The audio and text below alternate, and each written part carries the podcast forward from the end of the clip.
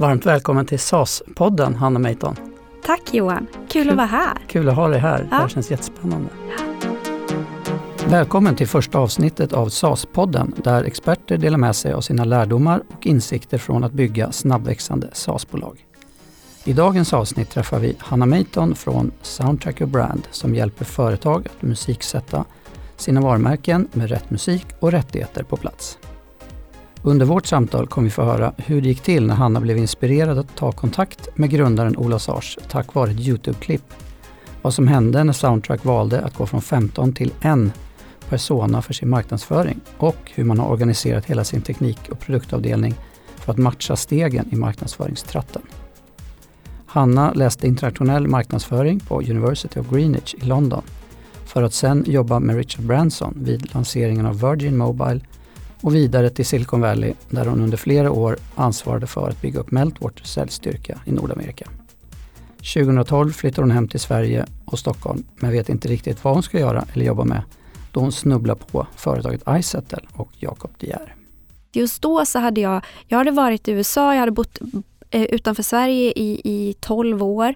Jag hade ganska dålig koll på att det fanns en startupvärld inom Stockholm. Eh, och jag har, jag har faktiskt bara varit i Stockholm fem gånger i hela mitt liv innan, innan jag flyttade hit. Eh, och, och, men ganska snabbt så, så, så börjar man inse att Stockholm är ju, är ju världens hub för startups. Eh, och, och då eh, började jag läsa lite om iSettle och de hade precis stängt en, en stor investeringsrunda. Eh, så då tänkte jag, men det där skedet borde de ha behov av en sån som jag. Så jag mejlade Jakob De Geer och sa, jag tror till och med att ämnesraden hette Behöver ni hjälp? Eh, och det här i efterhand så kanske det anses som lite kaxigt och så här, men, men det var inte det då. Det kändes bara så självklart att ja men det här är ju jag, jag har gjort det här och jag tror att det skedet som ni är i så behöver ni hjälpa med att, att kommersiell, kommersialisera organisationen. Och, och eh, som tur var så höll Jakob och Magnus med. Eh, så november 2012 flyttade jag till Stockholm. Ehm, dag fem eh, så, så började det snöa jag, jag ägde inte ens ett par strumpor. Eh, och sen så var den, den vintern var låg snön, jag tror i fem månader eller någonting sånt där. Så det, var en, det var ett bra välkomnande Stockholm gav mig. Eh. Jag har hört någon som har sagt att det är en komparativ fördel vi har i Stockholm. Det är att det är liksom, det enda man kan göra på vintern det är att vara inomhus och jobba. Ja, jo, ja men det stämmer. Speciellt då om jag, man som jag inte, inte inte eh, hade, jätte, hade så stort nätverk eller, eller kände någon egentligen i Stockholm. Jag kände väl lite gamla folk och sådär. Eh, så vilken var din, vilken var din första roll på iSettle? Jag kom in där i en VP Sales-roll, så en, en, en eh, försäljningschefroll och jobbade väldigt tätt med, med Magnus som hade en stark, stark ambition att driva om bolaget som hade etablerat product eh, market fit till att hitta den renraka kommersiella modellen genom att identifiera säljkanaler, titta över de vi hade, eh, expandera. Under det första året som, eh, som jag var där så eh, gick vi live på fyra marknader. Så från att ha varit ett nordiskt bolag så blev det ett europeiskt bolag. Sen fortsatte den expansionen även in i Mexiko och Brasilien. Um, och uh, under, när, bolag, när jag startade så, så var det ungefär 50-55 anställda. Uh, och, uh, så, så det var ju väldigt mycket all hands on deck. Så jag jobbade med allt med kund, kundtjänst, eh, nykundsförsäljning, olika säljkanalerna, marknader, länder. Eh, var även ansvarig för supply chain, så att se till att läsaren kom från fabriken till kunderna och hela det flödet. Så, eh, så jag fick en otroligt bred erfarenhet och eh, väldigt mycket, lärde mig otroligt mycket om fintech och, och, att jobba med hårdvara. Det hade jag aldrig gjort heller. Eh, och Eh, de 2012, och då, jag var på iSatellite i två och ett halvt år och, och de åren kändes nog kanske som, som fem år i erfarenhet. Eh, och det var ju väldigt definierbara år för iSettle. Eh, just då där vi verkligen hittade vår, vår kommersiella modell. Ehm, Fick till eh, extremt eh, effektiv metod genom att skaffa, hitta kunder, skaffa kunder, konvertera kunder, förfina hela, hela den resan och till, till, eh, till en bra aktivering och retention. Kan du säga någonting om vad du lärde dig på Izettle som du haft nytta av Mm. efter? Jag lärde mig otroligt. Jag jobbade väldigt tätt med Tor-Olof eh, eh, och eh, som också hade jobbat i, i Silicon Valley och eh, vi, jag kommer ihåg, vi var inne väldigt djupt i en due diligence, eh, i en investeringsrunda med en, en stor partner eh, som var extremt dataorienterad eh, och som verkligen drillade ner på alla, alla siffror och ställde de där obehagliga frågorna som man behöver få. Eh, men vad vi insåg då är att vi, kan, vi visste inte svaret och vi visste inte riktigt vår business inside out. Det är en ganska komplex business med betalningar. Så vad det forcerade, eller vi, det tvingade oss till att verkligen riva upp all data och vända och vrida och titta på alltihopa. Så vad jag lärde mig, det var, eh, jag vässade till min analytiska förmåga utifrån ett renodlat mer LTV, CAC, eh, konverteringsperspektiv. Det, det tror jag var den största behållningen som jag tog iväg. Därifrån. Och det har du använt framåt nu i Oh ja. där du är nu? Ja, det, det använder vi ju varje dag och alla beslut vi tar och all, allt vi tittar på utgår vi från en LTV-CAC-ratio om man ska förenkla det lite grann. Ja. Och vi kommer tillbaks till det. Så sista svansen, det var efter två och ett halvt år på Izettle så kände jag att jag hade otroligt mycket erfarenhet eh, och var nyfiken och redo för en ny utmaning. Och utav en händelse på en lunch med, med, med lite tjejkompisar så kom Soundtrack och Ola Sars namna upp. Eh, jag hade missförstått och trott att Spotify Business tillhörde Spotify. Och, eh, så jag gick hem och googlade och hittade en video på Ola där han sitter på en, kan säkert titta på det här, en tel, eller, tillsammans Telia-scen eh, och pratar om att han ska ta över 20% utav världsmarknaden inom två år. Och jag tyckte att det var så här, åh vad härligt att jobba med en sån person som är så fantastisk självsäker och ambitiös. Där ska jag vara. Så återigen mejlade jag Ola och sa hej. Behöver du hjälp? Ja, faktiskt. eh, nu har jag jobbat på Soundtrack i tre och ett halvt år. Vi har ju det här klippet här så att, eh, låt oss lyssna på det eh, så att vi alla får höra när Ola förklarar hur han ska ta över världen. 20-30% av marknaden, eller vad skulle du estimera liksom på? Ja, men, eh, om jag ska vara konkret, så det Ja. vi tittar på business case-mässigt så ligger vi inom rangen att ta en en signifikant del av den marknaden, säg 20, 20 procent liksom inom en, en treårsperiod. Häftigt. Självklart genom att inte liksom ge, berätta exakt hur vi planerar. Det är, det är ett rimligt tuff, antagande. tuffa... Det är det. Så nu är du på Soundtrack Your Brand. Ja. Och vad var din, ehm, din roll när du kom dit och vad ja. var bolaget i för fas då? När jag började prata med Ola så eh, hade han en liten annan definition på vad han tyckte att jag skulle göra än vad jag kanske initialt tyckte att jag skulle göra. Eh, min initiala tanke var att jag skulle komma in och ta över den eh, kommersiella eh, delen av verksamheten och göra väldigt mycket vad jag gjort innan, driva upp den och ut, fortsätta utveckla. Men Ola sa, ah, men det där kan du inte hålla på med för då kommer du bli uttråkad om 6 till 12 månader. För det där har du gjort så många gånger innan. Låt oss istället utmana dig och sätta dig i en, i en, i en roll som du aldrig varit innanför och så, eh, och så ser vi hur det går. Och i typisk, i typisk tjejstil så fick jag lite kalla fötter tror jag. För att eh, eh, rollen som Ola ville sätta mig i var en så kallad growth-roll där jag skulle bland annat ha den hela analytiska BI-delen under mig. Um, och jag tror min första kommentar var, men jag, jag är ju ingen analytiker. och då sa han, sluta vara så brudig, nu kör vi. Eh, så att min roll på, på Soundtrack var eh, VP Growth eh, som egentligen um, jag fick äran att sätta upp ett eget team och eh, den skulle egentligen drivas som ett mer agilt eh, tillväxtteam. Så jag byggde BI, eh, jag byggde onlineförsäljning ehm, och eh, fokuserade på att sitta på hur vi kan på ett skalbart sätt attrahera och konvertera longtailen. Det vill säga mer small to medium size businesses. Eftersom vi hade två säljkanaler, två säljteam egentligen, som jobbade mot Enterprise-sektionen. Så vad, i vilket, vilken storlek eller vilken fas ungefär var Soundtrack då när du Mm. började? Vi var väldigt små. Vi hade mindre än 2000 kunder. Ehm, Jag tror det var högst 30 personer som jobbade eh, och vi hade precis eh, egentligen börjat etablera en, en någorlunda produkt som, som vi, vi, vi såg att kunderna kunde börja använda och, och eh, tittare. Vi var bara live i Sverige och i, eh, i Sverige just då Mm. med stora, stora ambitioner. Så jag kom in på ett tidigt skede och egentligen lite för tidigt för någon med min profil. Ehm, men eh, så det har varit en fantastisk resa på så sätt eftersom jag har varit med mycket tidigare än vad jag varit i på något annat bolag. Och på så sätt verkligen kunna påverka produkt, affärsutveckling och så vidare. Ska vi ta för den som inte känner till Mm. Soundtrack Brand som Ja. också s- blandar ihop det med Spotify och så vidare. Ska du ta lite om Ja.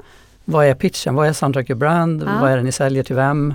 Varför är det så spännande? Soundtrack Your Brand har funnits sedan 2013. Vi är världens snabbast växande bolag inom bakgrundsmusik. Så vi tillhandahåller musik åt eh, varumärken eh, och eh, hjälper dem att anpassa musiken, inte bara spela men anpassa musiken eh, mot sitt varumärke. Så nästa gång du är inne i en klädesbutik eller sitter på en restaurang eller är på ett hotell och du känner att musiken eh, verkligen har en bra fit med den miljön och eh, ja, ambiensen som man säger eh, eh du sitter i, eh, då har vi förmodligen varit där och hjälpt till. Ehm, vi fokuserar eh, i dagsläget, vi finns live i 73 marknader men vi fokuserar mest på USA sedan ett par år tillbaka där vi växer otroligt snabbt. Och eh, sen slutet av förra året så har vi valt att enbart fokusera på SMB, så small medium businesses som vi definierar egentligen som varumärken som har 100 eller mindre antal butiker eller restauranger och så vidare. Så allt ifrån det lilla kaféet på hörnet som du tar din morgonkaffe eh, till den lite mer större klädkedjan som du är på inne på lunchen och eh, ska hitta den rätta skjortan inför helgen. Nu blir jag ju supernyfiken här för jag behöver ju ha ett soundtrack till SAS-podden. Ja, Så hur går, det till, hur går jag tillväga om jag vill skapa mig ett eget soundtrack? jag tycker att vi, vi skapade ett soundtrack här och nu tycker jag faktiskt. Gärna. Eh, eh, som jag nämnde, vi har, vi, vi har en app. Alla kan ladda ner den, Soundtrack, Eh, your Brand. Eh, och den finns på iOS och Google Play, så för Android också. Och antingen så kan du gå in via eh, datorn på din, på din desktop och, och logga in och skapa ett konto. Men, men jag, eh, jag har ju förstås appen här. Eh, och då har vi en funktion som heter Create Soundtrack. Eh, där man egentligen, vi hjälper dig att skapa ett eget soundtrack och ett soundtrack är eh, 40 timmar musik som vi uppdaterar 10% varje månatligen så att du hör aldrig den här Herregud, nu hör jag den här samma låten igen för tredje gången idag. Vilket mycket väl kan hända om du jobbar i en butik. Eh, utan eh, det är hela tiden ny musik som kommer in här som är anpassad och det är samba samma nivå på musiken. Så om vi börjar med energi Johan. Vill du ha låg, väldigt låg, låg, medium, hög eller väldigt hög? Ja, en hög tycker jag känns Ja, hög. lagom för Mm. mig. Mm. Och sen så om vi tittar på genre, vilken genre skulle du vilja säga är eh, ja, representativt för SAS-podcasten? Har du några förslag där som jag Ja. kan ta ställning mellan? Blues, klassisk, country, disco, eh, EDM, folk, funk, house, jazz. Jag är ju en house-kille om jag tvingas House. välja så då kör vi Ja. house då. Tufft. Ska vi lägga till någon mer, kanske house och EDM eller? Absolut, Ja. det gör vi. Och sen så har vi en sound em, som är, eh, det kan vara happy, det tycker jag nog. Det låter som ett Ja. bra förslag. Happy, em, vill du vara modern också kanske? Absolut, Ja. SAS är, ligger i tiden. Och vilket, eh, om vi tittar på Decade, vill du, den senaste musiken 2010, 2000, 1990, 80-talet? Ja, vi tar väl det senaste då. Ja. Återigen, vi ligger i framkant med Precis. SAS-bolag. Mm. så kan vi välja om vi vill filtrera ut explicita låtar eller inte. Ja, det låter trevligt. Ja, tycker jag med. Då får vi upp ett eh, olika förslag här på låtar och så kan man faktiskt eh savea soundtracket. Um, och vi ska vi se om vi kan spela en, en låt här så fort vi har sparat här.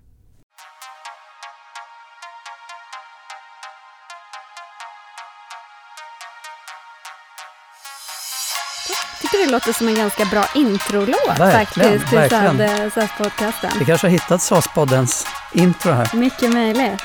Så vad skulle du säga är konkurrensen mm. för er som ni möter för att få ut det här? Det är det som är så intressant. Jag tror att Dels så har vi ju förstås konsumentprodukterna som är våra konkurrenter eftersom det finns ett ganska stort okunnande inom den här branschen. Det är många som, som kör på med sin Apple Music eller Spotify eller, och, och, och, och, tänker att det här är ju kanon, det är ju inga problem. Även om man betalar in till STIM och Sami och så vidare. Eh, så vi konkurrerar ju väldigt mycket med B2C-tjänster. Eh, framförallt kring mindre eh, varumärken som kanske inte har den så här CSR kunskapen som lite större kedjor har. Om vi tittar, men, men om vi tittar på bakgrundsmusiksegmentet generellt så är det ett väldigt analogt eh, segment där man traditionellt sett har sålt skräddarsydda lösningar, där man har skickat ut USB-kort med musik eller USB-minne eh, med musik eller CD-skivor och man har, har sålt genom att man har satt sig ner till kunden ett till ett och faktiskt eh, suttit ihop ett, eh, ett avtal där avtalet handlat om musik men även om installation, hårdvara och så vidare. Där disruptar vi ju hela segmentet B2B genom att sälja online, ta bort hårdvara som en komponent och eh, ge nycklarna till att kurera sin egen musik till företagarna så att de behöver inte betala för en, en relativt dyr musikkurator som ska sammanpassa och varumärkesanpassa musiken. Så vi håller ju på att förändra ett beteende. Och det är väldigt få eh, jag skulle vilja säga att det är en av anledningarna till att jag jobbar på Soundtrack. För det är väldigt, väldigt få marknader eller segment som man får vara med och digitalisera nu för tiden. Eh, och det är massa utmaningar i det. Men det är också extremt spännande att man får dra samma resa som jag brukar säga till mitt team Dropbox gjorde med storage. Eh, och det finns ju mängd olika där man har faktiskt disruptat. Och vi går ju lite i fotspåren på, på, på Spotify som faktiskt digitaliserade streaming. Jag tänker om vi ska prata lite runt liksom hur ni säljer det här och vad, mm. ni, vad det är ni säljer och så vi kommer in lite på liksom mm. SAS, SAS-affären i det här. Mm. Du, du touchade det i början att mm. när du kom in så hade ni mm. både eh, så här, Enterprise-sälj och eh, nu är ni mer fokuserade på mm. SMB. Kan du ta oss lite igenom vilka, vad ni har gått igenom för, för insikter eller för, för liksom resa inom det där? Vi gjorde vad alla VCR eller mer erfarna entreprenörer säger att man inte ska göra. Vi försökte göra allt. Eh, vad, jag, vad, det betyder egentligen att vi försökte eh, gå efter Enterprise-marknaden samtidigt som vi försökte utveckla och verkligen bygga produkt och eh, kanaler mot SMB. Och, och, och, anledningen till att vi gjorde det var egentligen att till en början så hade vi en filosofi att vi skulle vara en produktlösning för mindre bolag. Men sen så märkte vi att större och större varumärken kom och knackade på vår dörr och sa hej, vi vill jobba med er. Eh, bland annat McDonalds. Och då tänkte vi, ja, varför inte? Eh, så, så, så fram tills förra året så har vi drivit egentligen en fyra olika kanaler som har varit eh, anpassat sig i, både till Enterprise-marknaden ända ner till eh, single location som vi kallar det, som är den e, enskilda kunden. När kaféet på hörnet som jag pratade om. Eh, och jag tror att utmaningen i det är att du bygger produkt åt två helt olika segment. Du bygger self-service samtidigt som du försöker ha managed services. Du säljer åt ett enterprise-segment som har väldigt ganska höga expectations på managed services. Eh, samtidigt som du försöker bygga en kundupplevelse som är en self-service eh, upplevelse. Eh, och vi tog beslutet förra året att, eh, eh Enterprise-marknaden finns kvar. Den är ingenting unikt egentligen och vi är inte unika på den heller. Eh, och om vi väljer att ta den eh, så ska vi göra det när den är mogen att driva åt ett mer self-service-segment. Men i dagsläget så är det ganska hård konkurrens vilket driver ett priskrig eh, och väldigt höga förväntningar på, på just eh, managed services i att ta hand om all musik, ta hand om all account management, eh, eh individuell fakturering och så vidare. Eh, medan vi vill bli ett, eller vill vara ett renrakat SAS-bolag. Ehm, så vår filosofi sen egentligen skulle jag vilja säga mer eller mindre årsskiftet är att vi fokuserar oss på greenfield-marknaden som vi tycker SMB är. Vi bygger en self-service-plattform eh, där vi inte kappar storleken på bolag men utan det styrs av beteendet där större bolag, Enterprise, har oftast andra förväntningar än en self-service-portal som, som vi egentligen vill erbjuda. Så i dagsläget så har vi tre säljkanaler. Vi har eh, en online affär förstås, en, en, en, online marketing and acquisition där majoriteten utav våra kunder, eftersom vi kan massmarknadsföra och konvertera kunderna runt om i världen, där vi utifrån en marknadsföringsperspektiv fokuserar på de största engelskspråkiga marknaderna. Vi har inte kommit till det stadiet där vi lokaliserar och översätter produkten, eh, utan vi fokuserar först och främst på USA, men även Kanada, USA, eh, Australien tillägg så har vi en partnerkanal som är en återförsäljarkanal där vi arbetar med mer lokala aktörer som tillhandahåller just de här eh, managed services eller andra eh, komponenter. Det kan vara en installation utav högtalare, de säljer den. De kanske tillhandahåller musikkurering eh, eller de kanske till och med säljer tv-apparater med digital signage i butikerna. De återförsäljer vår produkt där vi får en, en revenues, eh, revenue från, från eh, streamingen. Men vi behöver inte bygga ut eh, organisation som ska ta hand om de här extra delarna. Och sen så har vi en, ett litet inside sales team som egentligen fungerar som en brygga mellan de eh, minsta kunderna och de lite större kunderna. Där ett varumärke med kanske 40-50 butiker vill ha lite mer handhållning. De vill ha en personlig kontakt i, i försäljningen eh, och eh, vill ha ett litet mer skräddarsytt upplägg än vad vi i dagsläget säljer online. Men vår vision är ju att bli 100% transparenta och allt vi har och alla priser och hela vårt erbjudande ska finnas online. För det är då vi tycker att vi disruptar den här industrin som är ganska shady.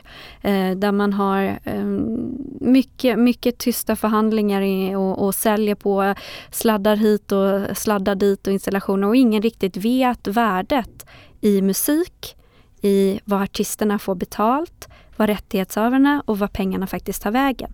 Där vill vi ta facklan och, och trailblaza och vara 100% transparenta och ärliga. Eh, och återigen satsa väldigt mycket på produktutveckling, eh, att ge verktygen till kunderna själva att skapa en varumärkesanpassad upplevelse genom musik.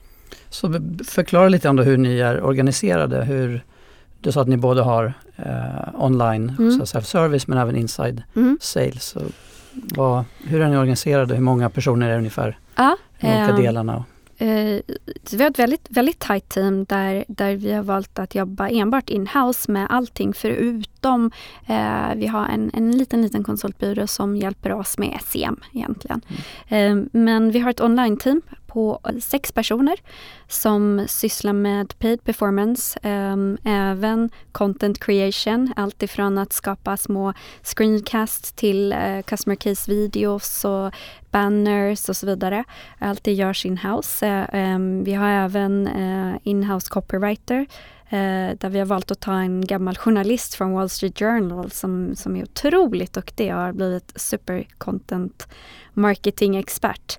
Um, och eh, så vi, det teamet är, eh, sitter, sitter hos oss och leds av Ryan som har precis eh, flyttat hit från, från England och från Google. Eh, vårt partnerteam är två personer. Och eh, i tillägg så har vi ett litet inside sales team. Eh, två personer här i Stockholm och två personer i New York. Så eh, vi, vi skapar mycket mycket med, med, små medel skulle jag vilja säga. Och, och, det är lite den filosofin vi har. Vi vill vara världens största minsta bolag. Um, och uh, hela tiden utmana oss till att skapa skalbarhet genom automatisering, uh, genom att jobba med, med att försöka uh, bygga mer och mer in i self-service mot produkten så att vi kan vara ett litet bolag med en stor kundbas. Kan du inte berätta mer om hur, hur ni gör det där? Du touchade innan att mm. du hade lärt dig av eh, jobbiga investerare som tvingade er att bli mer datadrivna. Det kanske är ja. något som du har tagit med dig? Ja. Tänker jag i. Um, någonting som jag har försökt uh, föra in verkligen i vår kultur på Soundtrack det är att bli väldigt, väldigt medvetna om, om hur vi performar. Uh, så, så till exempel så har vi dagligen en pdf-rapport som går ut till alla anställda som visar exakt gårdagens resultat. Hur många nya kunder registrerade sig på vår hemsida? Hur många blev free trials? Hur många betalande? Hur många tappade vi? Um, varifrån kom de kanalerna och hur, hur performade de jämfört med samma dag förra månaden? Så att jag skulle vilja säga att jag har aldrig jobbat på ett bolag som har varit så otroligt transparenta och öppna med, med, eh, med försäljning och, och performance marketing utöver just det kommersiella teamet. Um, och vad, när man delar på sån data så, så händer det någonting. Det, det, alla börjar tänka på hur de kan påverka och förbättra konverteringarna. Hur kan vi omborda en kund till? Hur kan vi se till att en kund mindre lämnar oss imorgon? Allt ifrån utvecklare till, till finance till eh, och eh, ja, inte bara den kommersiella säljdelen utav bolaget. Eh, i tillägg så, så all, alla, alla kanalfokuseringar vi gör, alla investeringar vi gör, så utgår vi alltid utifrån en Eh, kackel till ratio. Hur mycket kostar en kund? Hur länge stannar en kund med oss? Och eh, hur får vi en, eh, får vi en payback-tid? Och där har vi en ambition att alltid ligga över tre. Så vi ska alltid få tre gånger så mycket tillbaka som vi lägger på att skaffa en kund oavsett vad den investeringen ligger i, i marknadsföring eller i personal.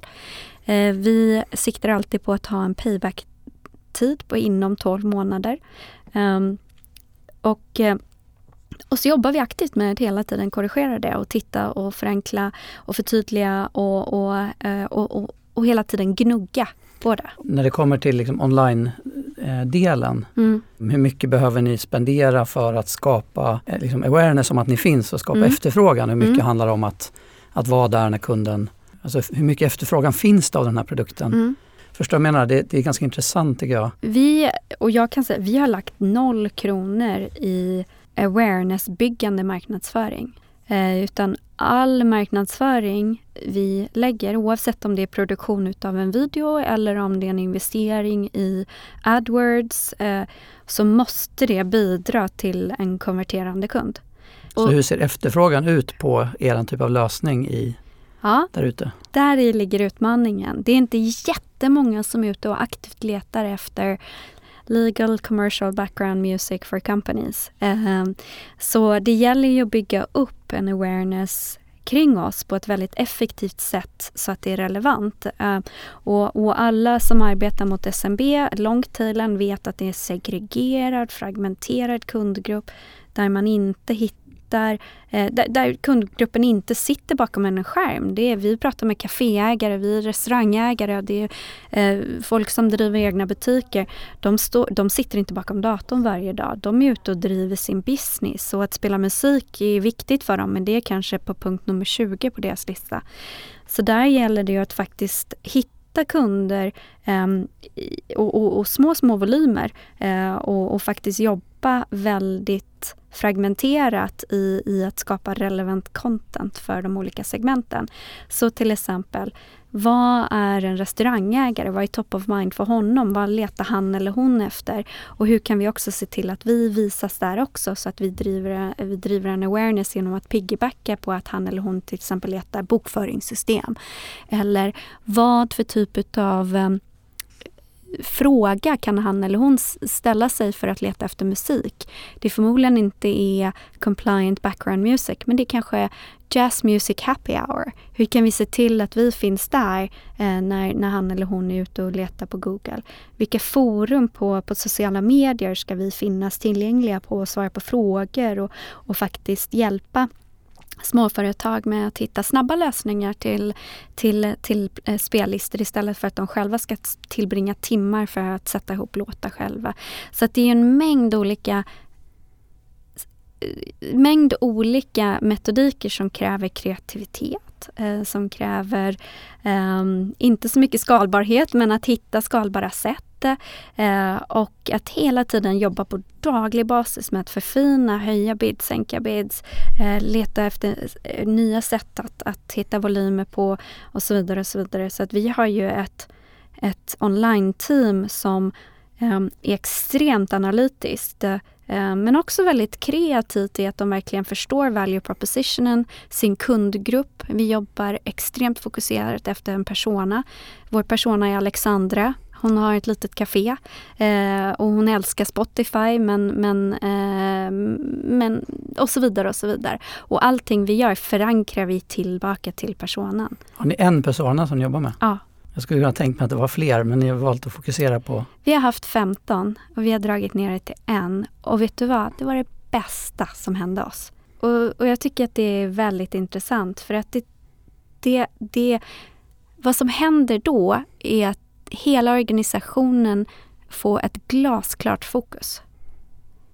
Och så börjar vi där. Istället för att vi ska bygga produkt, kundupplevelse och så vidare utefter 15 personas så bygger vi efter en. Och när vi har nailat det, då kan vi lägga till en till. Så kan du ge några exempel då på beslut som ni har tagit efter att ni fokuserade mm. på en persona? Vi har, eh, det, det har skett stora ändringar från, från hela kundresan egentligen utifrån de perspektiven att vi har dragit ner på Eh, den eh, kanalinvesteringen vi har gjort där vi inte har valt att inte investera i vissa sökord eh, och vi har inte kört till exempel Facebook advertising mot vissa segment. Ehm, och sen så har vi ju också byggt ut en, sett till att hela vår onboarding och sign-up relaterar tillbaka till den value proppen som vi introducerar för Alexandra från början. Så att det blir en hög recognition. Um, hela onboardingen också där vi väljer att presentera vad för typ av aggregera content, i vårt fall musik, till, till har vi ju anpassat och inte gjort kanske som ett smörgåsbord längre utan mer anpassat att vet du vad du är ett café, här är det vi rekommenderar eller här är vad andra typer av kaféer. Nu jobbar vi utifrån ett personas men vi jobbar efter lite olika segment också så vi har inte bara kaféer.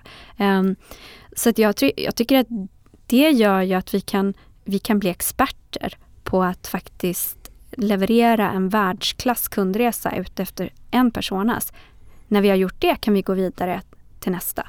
Och när tog ni det beslutet då? Hur länge kommer ni hålla i en persona tror du? Vi kommer ha kvar Alexandra i alla fall nio månader minst. Eh, och, och, anledningen till nio månader är att vi behöver så pass länge för att titta på våra retentionkurvor. Eh, eftersom vi, vi har en månadsprenumeration där vi har en, en, en gratis månad där man får prova produkten och sen så blir man en betalande eh, kund. Och de första tre månaderna ser vi lite som smekmånadsfasen där det gäller att hitta rätt och bli bekant med produkten och sen så går man över till en mer lojalitet. Eh, och, eh, så, så jag skulle vilja säga i alla fall nio månader till att vi ser att vi har faktiskt skapat en otroligt bra, bra retentionkurva. Men kan ni redan nu se skillnader i effekt? Ja, det kan vi. Kan ni ge exempel på Fram vad som har blivit bättre? Mm. Framförallt i top of funnel blir väldigt eh, konkret och vi ser en, en eh, vi ser en ökad konvertering på, på trafiken vi drivit i vår hemsida. Nyligen så såg vi faktiskt att eh, vi har minskat vår trafik till vår hemsida men vi har ökat konverteringen vilket är en indikation på att vi har relevant trafik kommande till vår sida. och eh, vi har en ökad konvertering även ifrån en, en, eh, skapandet utav ett konto till en aktivering utav en gratis månad. Eh, och vi ser redan nu indikationer på att vi har återigen en ökad konvertering utav eh, gratisanvändare som konverterar in till betalande. Jag tror att många bolag oftast jobbar med sju olika personas och, och, och, i många fall så jobbar kanske produktteamet med um, en uppsättning personas medan marknadsförings eller kundanskaffningsteamet jobbar med en uppsättning personas. Och, och i viss mån ska person, produktpersonas och marknadsföringspersonas fokusera på olika saker.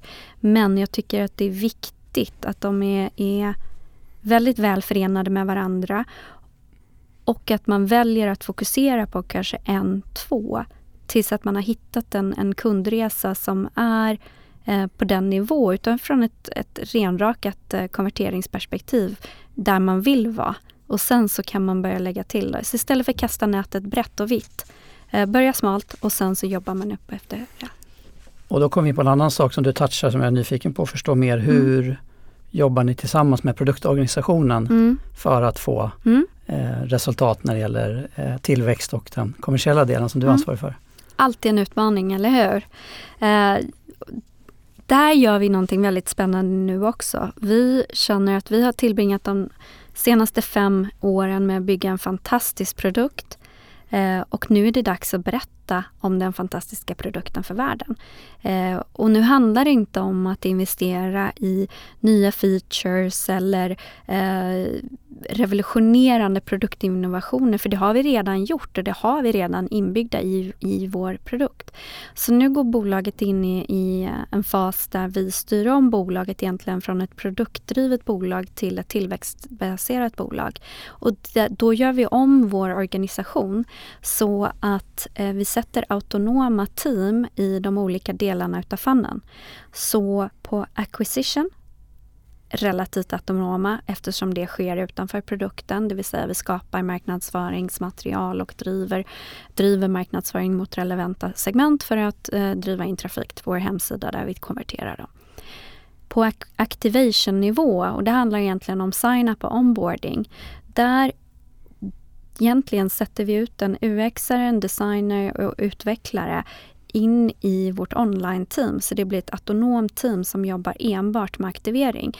Så de jobbar ju genom att eh, förbättra konverteringen med 0,1 procent kanske på daglig nivå och så tittar de på resultatet. Hypotes, test, utvärdering, förbättring.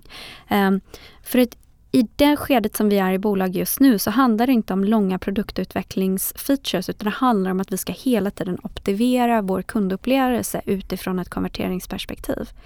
Och då blir eh, vad, vad, vad som var det gamla produktteamet egentligen. Um, delar av det har, har gått in i aktiveringsteamet och uh, resterande delar fokuserar enbart på maintenance och retention.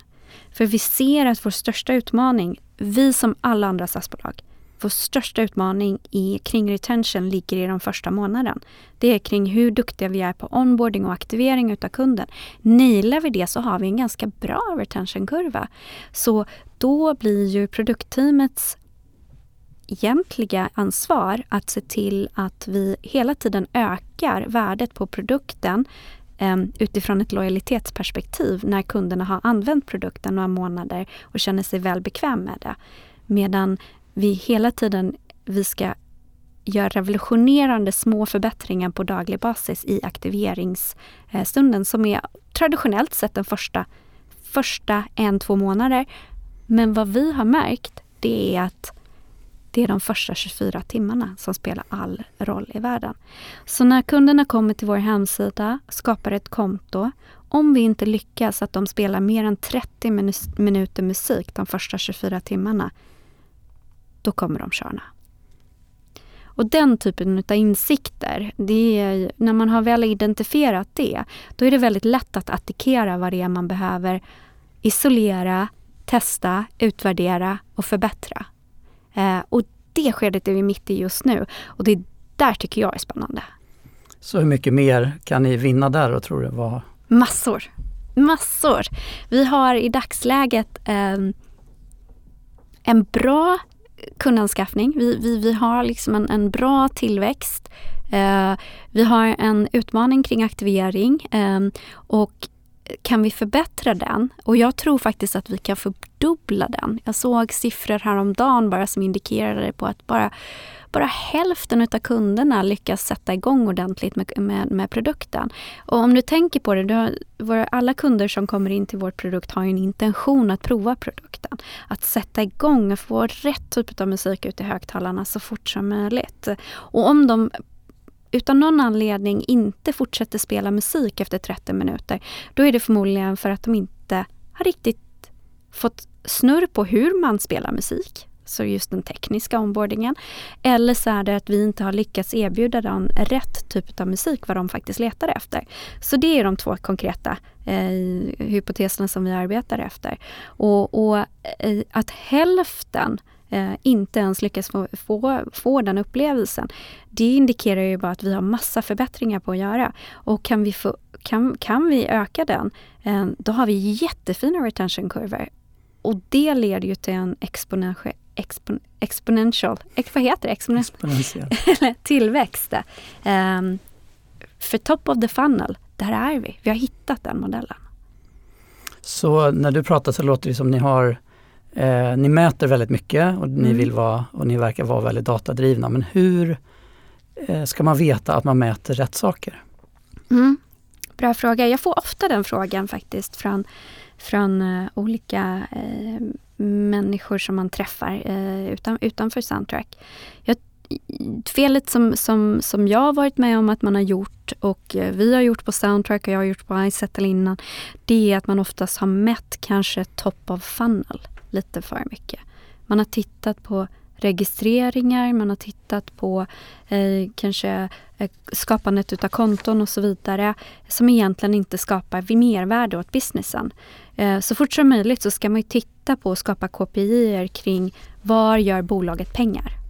Eh, och, och vad är det för ledande indikatorer som driver ett kundbeteende som gör att man kommer fortsätta ha betalande kunder? Eh, och det finns ju ingen en renrakad KPI. Men hos, hos oss så är det ju förstås betalande kunder men det är också aktivt användande kunder. Eh, och då är det egentligen irrelevant hur många som var på vår hemsida igår eller hur många som skapade ett konto för det driver inte business. Sen tittar de individuella teamen som är ansvariga för att driva den konverteringen väldigt mycket på dem. Men på företagsnivå så, är, så tittar vi inte på det alls om du skulle ge något exempel på något som du, som du, som du vet nu, mm. som du önskar att du visste mm. för fem år sedan när du startade ja. på Soundtrack. Ja. Vad hade du kunnat liksom mest accelerera ja. utvecklingen för Soundtrack som du vet idag, som du önskar att du visste för fem år sedan?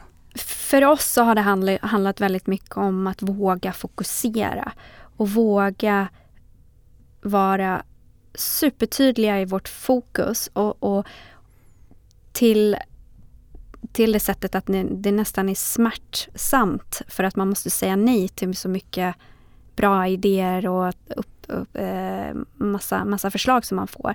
För jag tror att de här fem åren eh, vi har haft en, eller vi har en fantastisk resa eh, där jag är väldigt stolt över vad vi uppnår på en daglig basis. Men jag tror att vi hade kunnat uppnått mycket, mycket och kommit mycket, mycket längre om vi hade mycket på, på ett tidigare skeende renrakat vår strategi, arbetat väldigt fokuserat mot att erövra och bygga produkt och kundupplevelse mot SMB-segmentet eh, och faktiskt vågat tacka nej till lite eh, initiativ som, som har kommit upp längs vägen som inte faktiskt har fokuserat mot, mot den strategin. För så fort man börjar titta på höger och vänster och, och, det finns ju massa spännande grejer som hela tiden kommer upp, så tar det tid och fokus och det gör att man kan spring, man springer inte lika snabbt rakt framåt. Eh, så det tror jag och det är jättesvårt att säga för att eh, eh, med facit i hand så kan man ju alltid säga det där skulle vi aldrig ha gjort. För det ledde ju inte till någonting men, men just då så visste man ju inte det. Ehm, men, men Våget hålla ett tydligare fokus och jag tror det jag nämnde om en persona, eh, ett kundsegment, eh, en fokuserad marknad, eh, och jag, det handlar om, senast, senast häromdagen så, så, så var det en kollega till mig som sa, men herregud, alltså ska vi inte titta på Brasilien? Det är en jättepotentialmarknad. marknad. Spotify har massa utmaningar där just nu och, och, vi har ju licenser där, vi har ju kunder där. Eh, och då är det så lockande att säga självklart, vi översätter produkten, vi hittar resellers här. Men, men att, vara, att vara så pass ståndaktig som man säger nej, vilket jag stolt nog gjorde. Nej, det ligger inte inom core focus, det ligger inte i våra core markets. Det är en jättemöjlighet men vi väljer aktivt att inte göra det just nu. Kan du inte berätta om någonting som ni har gjort väldigt bra den här veckan på Soundtracker Brand? Åh, vilken bra fråga. Vi har mött vår budget för den här månaden och för hittills det här året. Det tycker jag är jättestolt över mitt team. Eh, vi har eh, lanserat eh, en ny video um, som belyser vår, vår, vår SMB-fokus och en av våra kunder som är en, uh, ett, ett litet café i London faktiskt. Var lägger ni upp videon någonstans? Den finns på Youtube, uh, den finns på, på Soundtrack Your Brands kanal och den finns även på vår hemsida.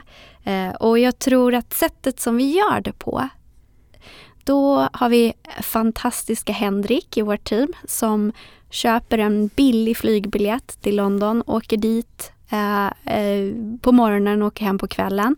Han åker dit, träffar Ryan som är hemma, hemma, hemma på besök i, i London och råkar vara där. För, och de tillsammans på en dag med en liten kamera sätter ihop en fantastisk film som belyser just eh, en av våra eh, kunder.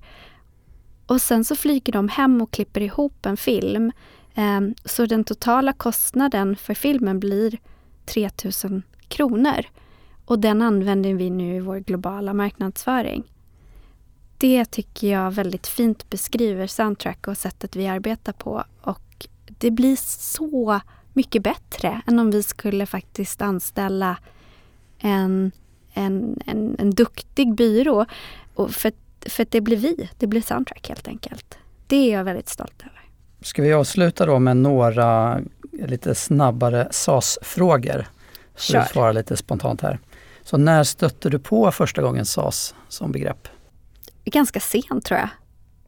Jag skulle säga 2008. Och om du ska förklara för till exempel, vi säger en eh, ekonomistudent varför SAS är den bästa affärsmodellen, vad skulle du trycka på då? Recurring revenue model.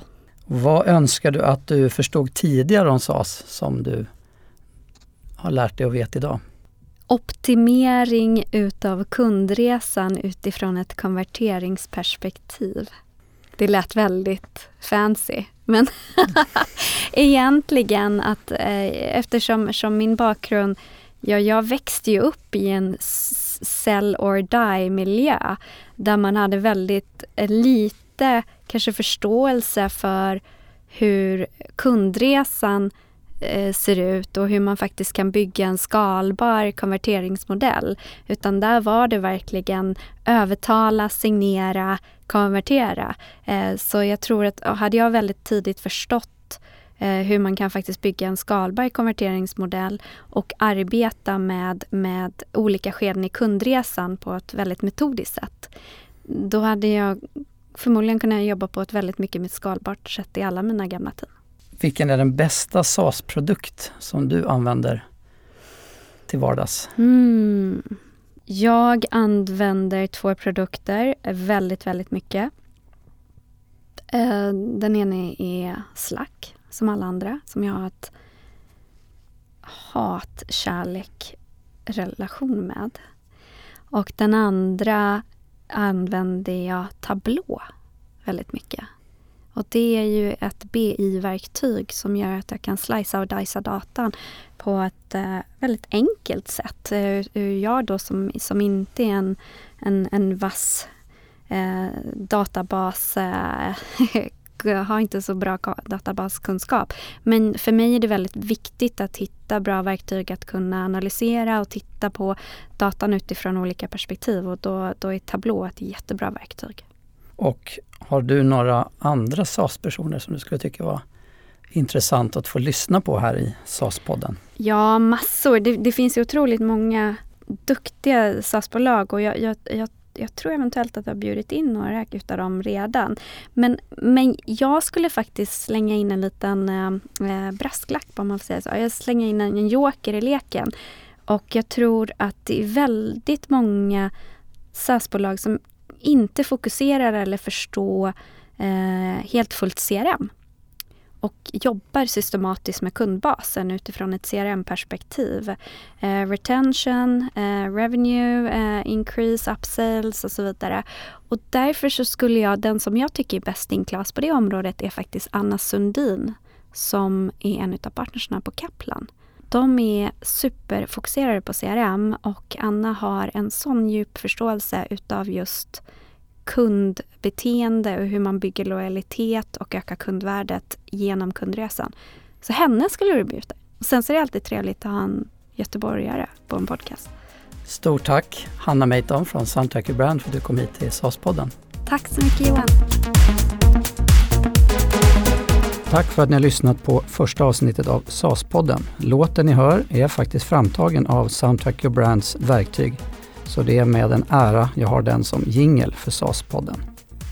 På www.cloudcapital.se SAS-podden hittar du alla avsnitt av podden. Jag heter Johan Krona och om två veckor är podden tillbaka.